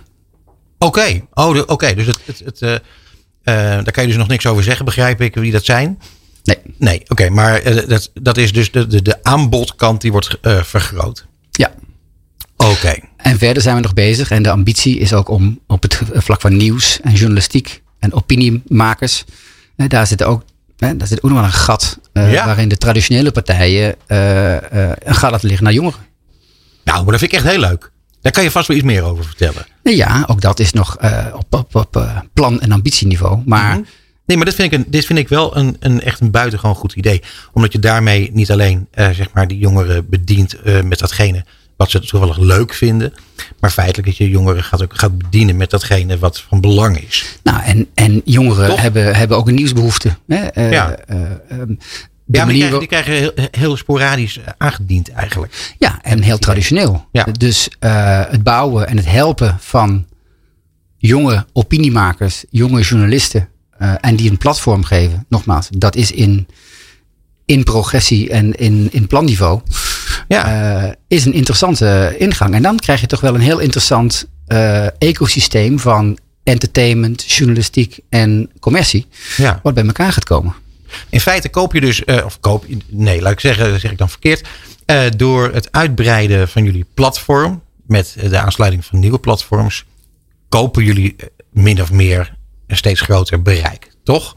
Dan komt het een beetje Ja, maar ik meer wil- kopen. Ja, kopen. Eh, Eh, nee, samenstellen we- dan. We, werken samen met steeds Ja. meer Ja, nee, nieuwsmakers Ja, en nee, maar goed, entertainmentmakers. Maar als de, de, de, de breedte van je aanbod eh, vergroot wordt, dan betekent dat dat je voor adverteerders steeds interessanter wordt. Dat is uiteraard. dat is Ja. mijn rol, hè? Dus da- daar zit Nee, wel. precies. Maar goed, maar kun je daar dan een beetje een, een beeld van schetsen hoe dat eruit komt te zien? Want wat, wat, eh, wat, wat ga je die adverteerders allemaal bieden? Nou, de, de, de, door de breedte en, en de diepte, hè, waar we net over hadden, Ja. eh, in kaart te brengen. Dus ook vanuit een research perspectief, vanuit marketing inzichten perspectief, is het palet wat je kan bieden aan, eh, en van een data perspectief niet onbelangrijk, is natuurlijk steeds interessanter om ook op een steeds strategischer niveau te gaan meedenken met merken. Hè, dus waar je nu nog aan de executiekant zit, hè, van de media inkoopkant, probeer je natuurlijk steeds verder te gaan in hoe kunnen we ook meer strategisch gaan samenwerken met merken. Hoe kunnen we ook inzichten naar merken toe gaan brengen? Hoe kunnen we ook sneller schakelen met merken op eh, wat er on-trend is en wat niet? Hoe kunnen we ons.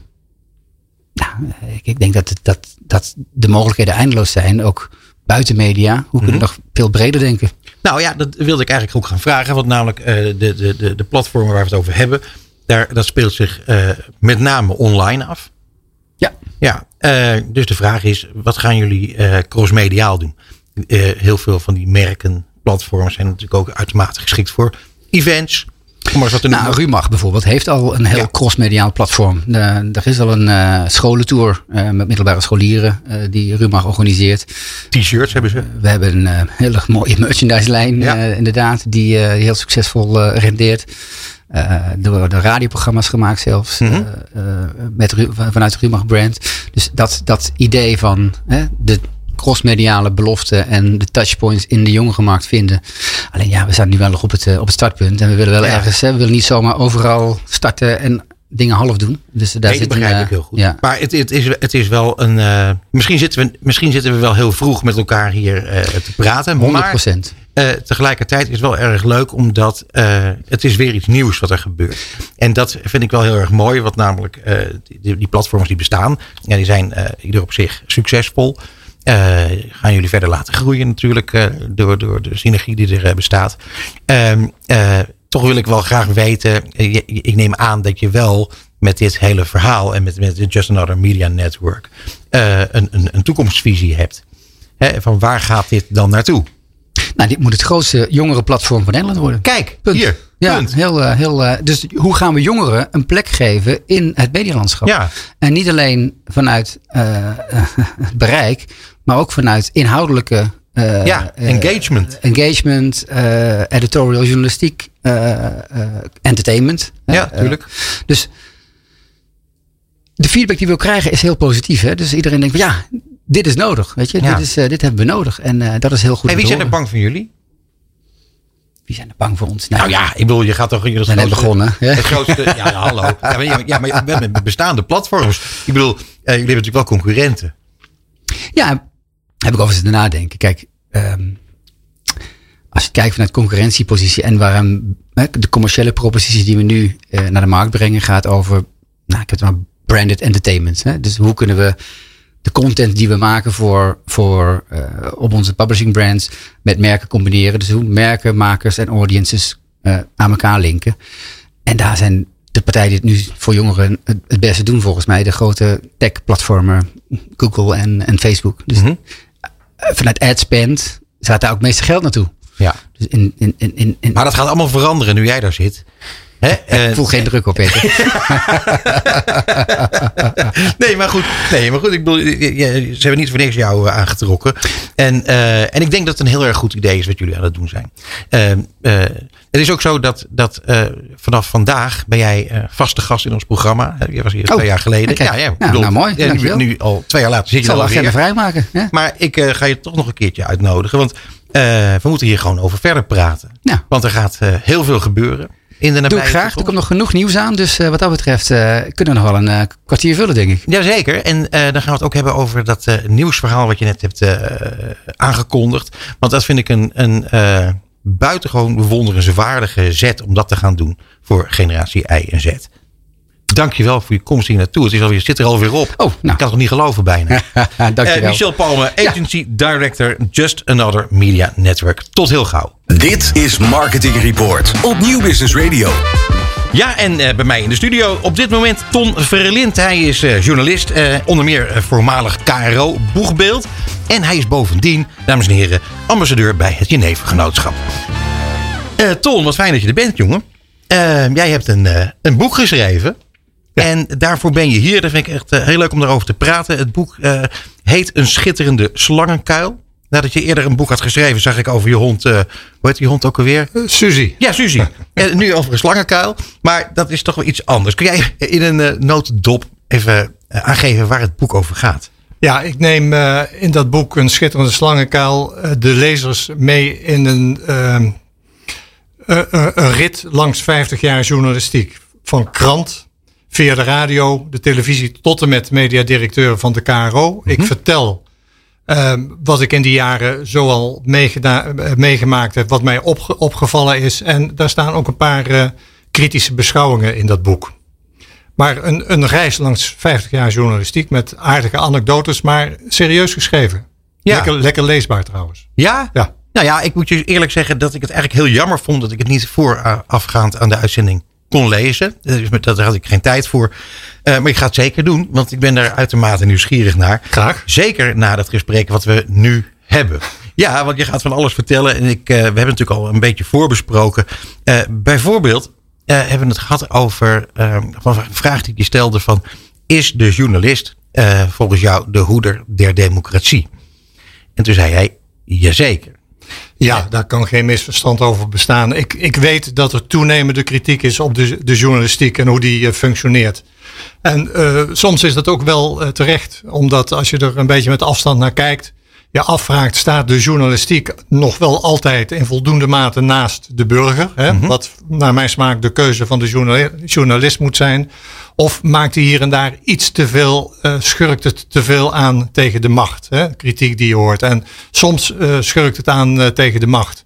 Maar ondanks het feit dat er kritiek mogelijk is op de journalistiek, vind ik het allerbelangrijkste dat uit, uiteindelijk, als alle instituten van de democratie gefaald hebben, de Tweede Kamer, de rechterlijke macht, noem maar op, is er aan het eind van de rit altijd een medium, is er altijd een journalist die de vinger legt op, eh, op wantoestanden en dingen onthult Ja, die eh, politici verzuimen eh, aan te pakken. En dat is voor de democratie een vitale functie. En ik ben bang dat sommige mensen die kritiek hebben op de journalistiek. eh, dat belang van journalisten iets te veel uit het oog verliezen op het ogenblik. Dus ik, ik, ik hoor wel bij de mensen die kritisch beschouwen. Maar ik neem het wel voor mijn collega's op. ja. Nou ja, ik moet je zeggen, ik ben het helemaal met je eens in deze. Tegelijk gaf jij aan dat eh, door, de, door de, de fusies van de, van de omroepen momenteel, hè, zoals dat eh, eigenlijk is opgedrongen door eh, politiek en door NPO, ehm, dat daar volgens jou eigenlijk dan te veel eenheidsworsten is ontstaan.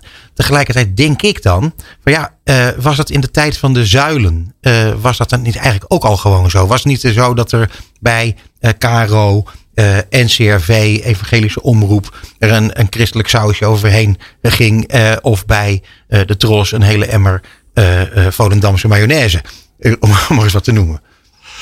Ja, het is voor mij moeilijk om te beoordelen hoe het bij die anderen ging. Maar ik ken de KRO van binnenuit. En zeker Ja. de laatste jaren dat ik daar gewerkt heb. En daar bestond de, de drang om uh, echt vanuit een visie op de samenleving programma's uh, te maken. En dat is bij de KRO ook gedefinieerd. Wij staan hier, uh, hiervoor. Ja. En alles wat wij doen moet dienstbaar zijn aan het realiseren van dat doel. En daarmee bedoel ik niet, ja, sommige mensen zeggen, dan heb je het over identiteit. En dat is toch ook manipulatief, want feiten zijn nou eenmaal feiten. Dat, dat is ook wel zo. Je moet een groot respect hebben voor, voor feiten. En er wordt ook wel gezegd, een katholieke aardbeving bestaat niet.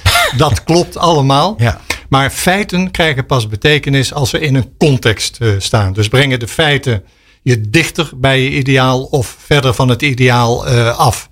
En dat aspect vanuit engagement naar de samenleving kijken, discussiëren met elkaar. De ene actualiteitenrubriek die deze thema's omarmt, een andere actualiteitenrubriek die daar dwars tegenin gaat. Zo is er een soort battle op de publieke televisie, waardoor uh, mensen verschillende perspectieven krijgen aangeboden en daarmee een oordeel kunnen vormen. Mm -hmm. Ja, dat is, dat is weggereorganiseerd. En dat leidt ertoe. Over zijn er wel nog actualiteitsprogramma's die professioneel goed opereren. Maar de kritiek die ik heb is dat veel op elkaar is gaan uh, lijken. En dat je vanuit de publieke omroep op het ogenblik toch eigenlijk maar één overheersende visie op de gebeurtenissen in de samenleving krijgt aangeboden. Dat is vooral een beetje neutrale, uh, uh, professionele journalistieke visie. Niet meer vanuit. Maar je zegt wel neutraal. Je zegt wel neutraal. Oh, ik bedoel, je hoort vanuit, uh, vanuit de hoek van, van, van wat sommige mensen bruin rechts wordt genoemd. Dat, dat eigenlijk heel, heel versum, dat dat allemaal D66 is, zeg maar. Maar jij zegt neutraal. Ja, nou vind ik D66 redelijk, redelijk neutraal. dus dat zou aardig kunnen zijn. Ja, een, een, een overheersende, politiek correcte uh, visie. Die belangrijk is, die gehoord uh, moet worden. Maar ik denk, je bent blind als je op het ogenblik niet uh, in de gaten hebt dat er in de samenleving bij, bij de helft van de bevolking een behoorlijke ontevredenheid aan het groeien is. Mm -hmm. Omdat die mensen zich niet meer gerepresenteerd voelen. En dat zijn natuurlijk niet allemaal wappies. Die zijn er ook. Maar overigens zou ik ook nog kunnen zeggen, voor zover in de publieke opiniëring wappies een rol spelen, ben ik er ook nog voor om dat zichtbaar te maken en dat gevecht uh, aan te gaan en het niet weg uh, te stoppen achter regels waardoor iedereen zich politiek correct gaat gedragen. Althans binnen de publieke omroep. Ja, ja want toen ik aan jou vroeg, van, is nou eigenlijk gewoon Shula Rijksman, is die eigenlijk de baas? Hè, over wat er eigenlijk allemaal zo'n beetje gebeurt. Uh, uh, de, de, de omroepen die gefuseerd zijn, die hebben eigenlijk niet zo heel erg veel meer in te brengen. Nee, klopt. Dus ja, van, ja, dat klopt eigenlijk wel. Uh, ja. maar als je dan nu kijkt naar dat omroep zwart erbij komt en dat ongehoord Nederland erbij komt. Dat betekent dat voor wat betreft de laatste de, de, de wappies volgens mij uh, volop gehoord kunnen gaan worden. Uh, dat, dat zou kunnen. jij kwalificeert ze als wappies. Nou ja. we, we, moeten, we, we, moeten dat nog gaan merken hoe zij zich manifesteren. We, we, zien dat wel. Maar ik ben zelf voor een open discussie. Wat je bij de publieke omroep ziet en vooral bij Ongehoord Nederland is dat meteen al gebeurd. Die kregen toestemming of een positief advies van de Raad voor, voor Cultuur, zou ik maar zeggen. Dus Ongehoord Nederland werd toegelaten tot Ja. het publieke bestel. Maar uh, er werd meteen druk op ze uitgeoefend om wel hun standpunten te veranderen. Ja, dat vind ik niet juist. Daar, daarmee zeg ik niet dat ik graag een verdediger ben van de standpunten van Ongehoord Nederland. Maar als zij toegang krijgen tot de publieke omroep, omdat ze iets toevoegen aan het geluid, moeten ze dat geluid kunnen laten horen.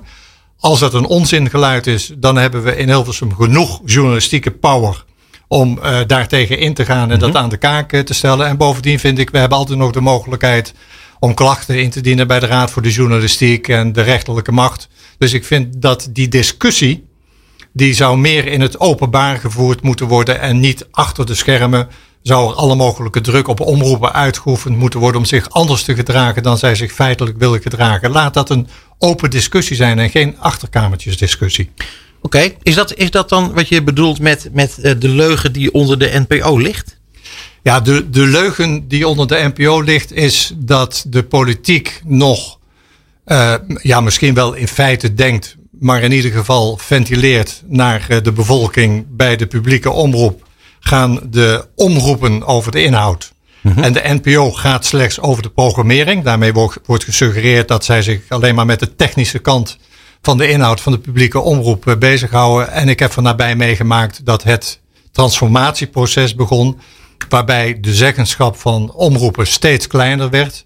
Hun zelfstandigheid, hun autonomie, daar werd aan uh, aangeknaagd. En ik durf nu te zeggen dat een belangrijk gedeelte van de beeldvorming bij de publieke omroep ontstaat in de, in de regels die de NPO hanteert ten aanzien van publieke omroepen. Die mogen een heleboel niet, of wel, of krijgen uh, alleen uh, uitzendtijdstippen op aantrekkelijke momenten als ze passen binnen de mal van de publieke omroep. Dus de leugen is dat omroepen nog in belangrijke mate gaan over een inhoud. Ja, in sommige opzichten is dat ook wel zo.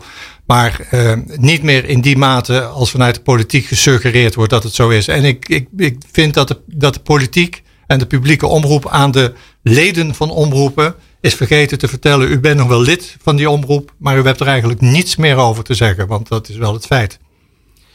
Uh, dit uh, gezegd hebbende, wie spint hier dan garen bij, bij deze ontwikkeling? Dat vraag ik me dan heel erg af. Ja, wie, wie spint. Ja, Nee, ik bedoel, dat is dan toch een. Er is geen complot of zo. Hè? Het, is, het is niet dat ergens iemand bedacht heeft dat het uh, zus en zo moet. En dat nee, maar is het de politiek? Uh, is het de NPO als, als moloch zelf? Nou, uh, ik, ik, ik denk dat. Tijdgeest? ik weet het niet. Nou, een belangrijk sturingsmechanisme komt uit, uit de, de, politiek. Dat heeft een aantal redenen. De politiek. Ehm, uh, heeft, heeft, het, uh, heeft moeite met moeilijk aanstuurbare processen. Mm -hmm. uh, en diversiteit en pluriformiteit en onafhankelijkheid maakt processen moeilijk. Dus daarom is er een mechanisme ingeslopen dat het allemaal eenvoudiger en gemakkelijker aan te sturen moest. en dat heeft geleid tot de transformatie die uiteindelijk het bestel stukken heeft gemaakt. Mm -hmm. Dat, dat laten we zeggen, bestuurlijke gemakzucht voor een deel. En een ander aspect is dat uh, er vanuit de politiek behoorlijke druk op de, op de publieke omroep wordt uitgeoefend om succes te hebben ten opzichte van de commerciële omroep. En dat vertaalt zich in de zucht naar grote kijkcijfers. Ja. Nou ja, we weten allemaal, als je een klein beetje verstand hebt van media, hoe, hoe je grote kijkcijfers realiseert. Dat leidt tot kopieergedrag. Want wat succesvol is, wordt uh, herhaald. En dat heeft geleid tot een grote mate van eenzijdigheid in de publieke omroep, ja. zoals wij die nu bespreken. Dus een schraling van de creativiteit. Ja, en, en een overwaardering van grote cijfers en een onderwaardering van kleinere publieken. Ja. Hey, en wat uh, betekent dat voor de toekomst, Tom? Want dat die toekomst, heb, je, heb je die ook in het boek gezet? Ja, dat. dat, nou, ik ben, ben, geen paragnost, dus ik heb op dat gebied bescheiden ingesteld. Nou, je ziet het in de samenleving, waartoe dat leidt. Uh, want dat is ook een element wat in het boek aan de orde komt, de wegkijkcultuur in, in Nederland. Dat viel mij op toen ik een aantal ontwikkelingen beschreef. Als het ingewikkeld wordt in de samenleving, als er kritiek is, dan heeft de politiek de neiging om weg te kijken. Om om de problemen onder het tapijt te schoffelen vanuit de filosofie. Als ik het niet zie, dan gaat het misschien wel over. Ja. Journalisten hebben daar soms en doen daar soms ook nog wel uh, aan mee. Jouw vraag is, wat betekent dat naar de toekomst? Ja, dat de ontevredenheid bij een substantieel deel van de Nederlanders die vinden dat ze niet gehoord worden of niet serieus genomen worden, dat die ontevredenheid al maar groter wordt. En waartoe zou dat kunnen leiden?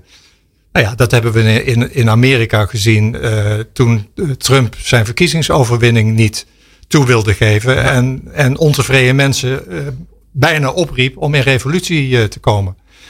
Dus een ja. toenemende ontevredenheid, een toenemende maatschappelijke ontevredenheid is denk ik de tol die we daarvoor betalen.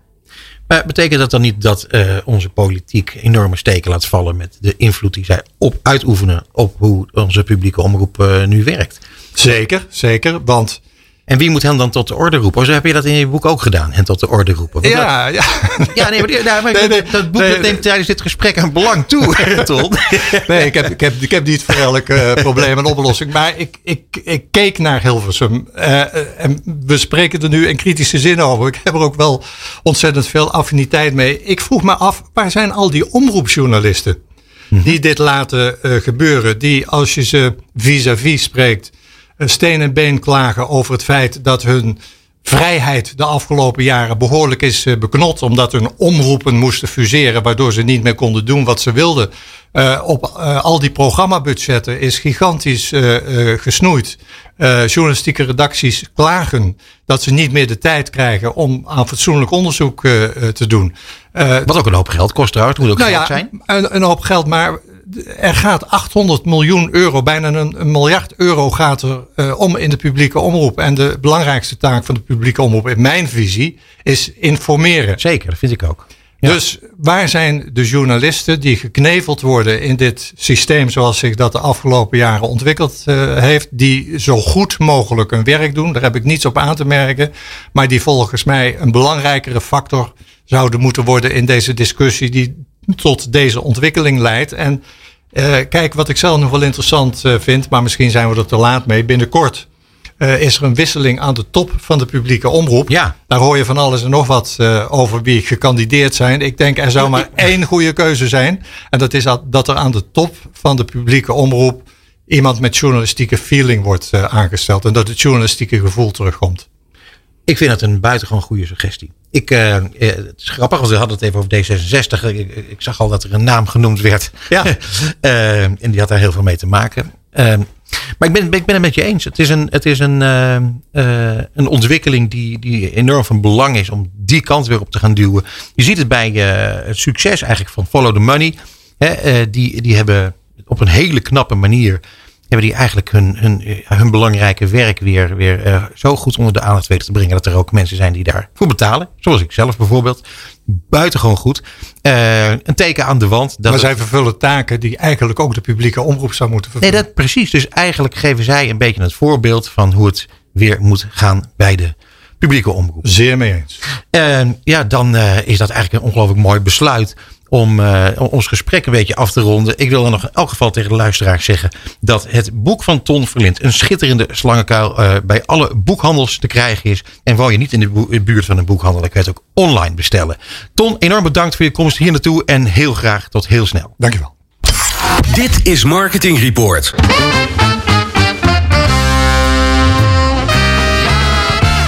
En uh, dat zit de uitzending er alweer op, bijna op. Ik uh, wil nog eventjes uh, memoreren dat wij vandaag echt ongelooflijk fijne gasten hadden. Waaronder Annette Rijers van Buren van het Oranje Fonds. Zo lekker. Iemand die zo enthousiast, zo gepassioneerd kan praten over marketing. En, en nu over het merk waar ze voor werkt, Oranje Fonds. Ton Verlind met zijn nieuwe boek. Fantastisch. heerlijk gesprek over journalistiek. Zoals het hoort. Michel Palme, Agency Director, Just Another Media Network. Ja, uh, splinternieuw. Net begint net. Heerlijk. Het is, uh, ja, wat een, wat een, wat een puiken uitzending. En dan ook nog eens een keer met Johan Smit. Die, uh, ja, die, die over het belang van onderzoek naar crossmedialiteit uh, ja, van alles wist te vertellen. En uh, er gaat heel veel gebeuren in de toekomst, in de nabije toekomst. En dat is verrukkelijk voor iedereen. Goed, en natuurlijk, zoals iedere maand, René Zeedijk. Dit keer vanuit Frankrijk. René, als je luistert, ik denk het wel. Nog heel veel plezier in je vakantie. En dat geldt ook voor mijn collega Bas Vlucht, mijn sidekick, die er vandaag ook niet is. Want die zit namelijk ook in Frankrijk. Wij werken hier gewoon lekker door. En ik wens iedereen een buitengewoon plezierige avond. Tot zover Marketing Report op New Business Radio. Alle gesprekken zijn terug te luisteren via podcastkanalen als Spotify, Duke of Apple Podcasts. Komende maand zijn we er weer op de derde dinsdag van de maand tussen half zeven en acht uur. Tot dan.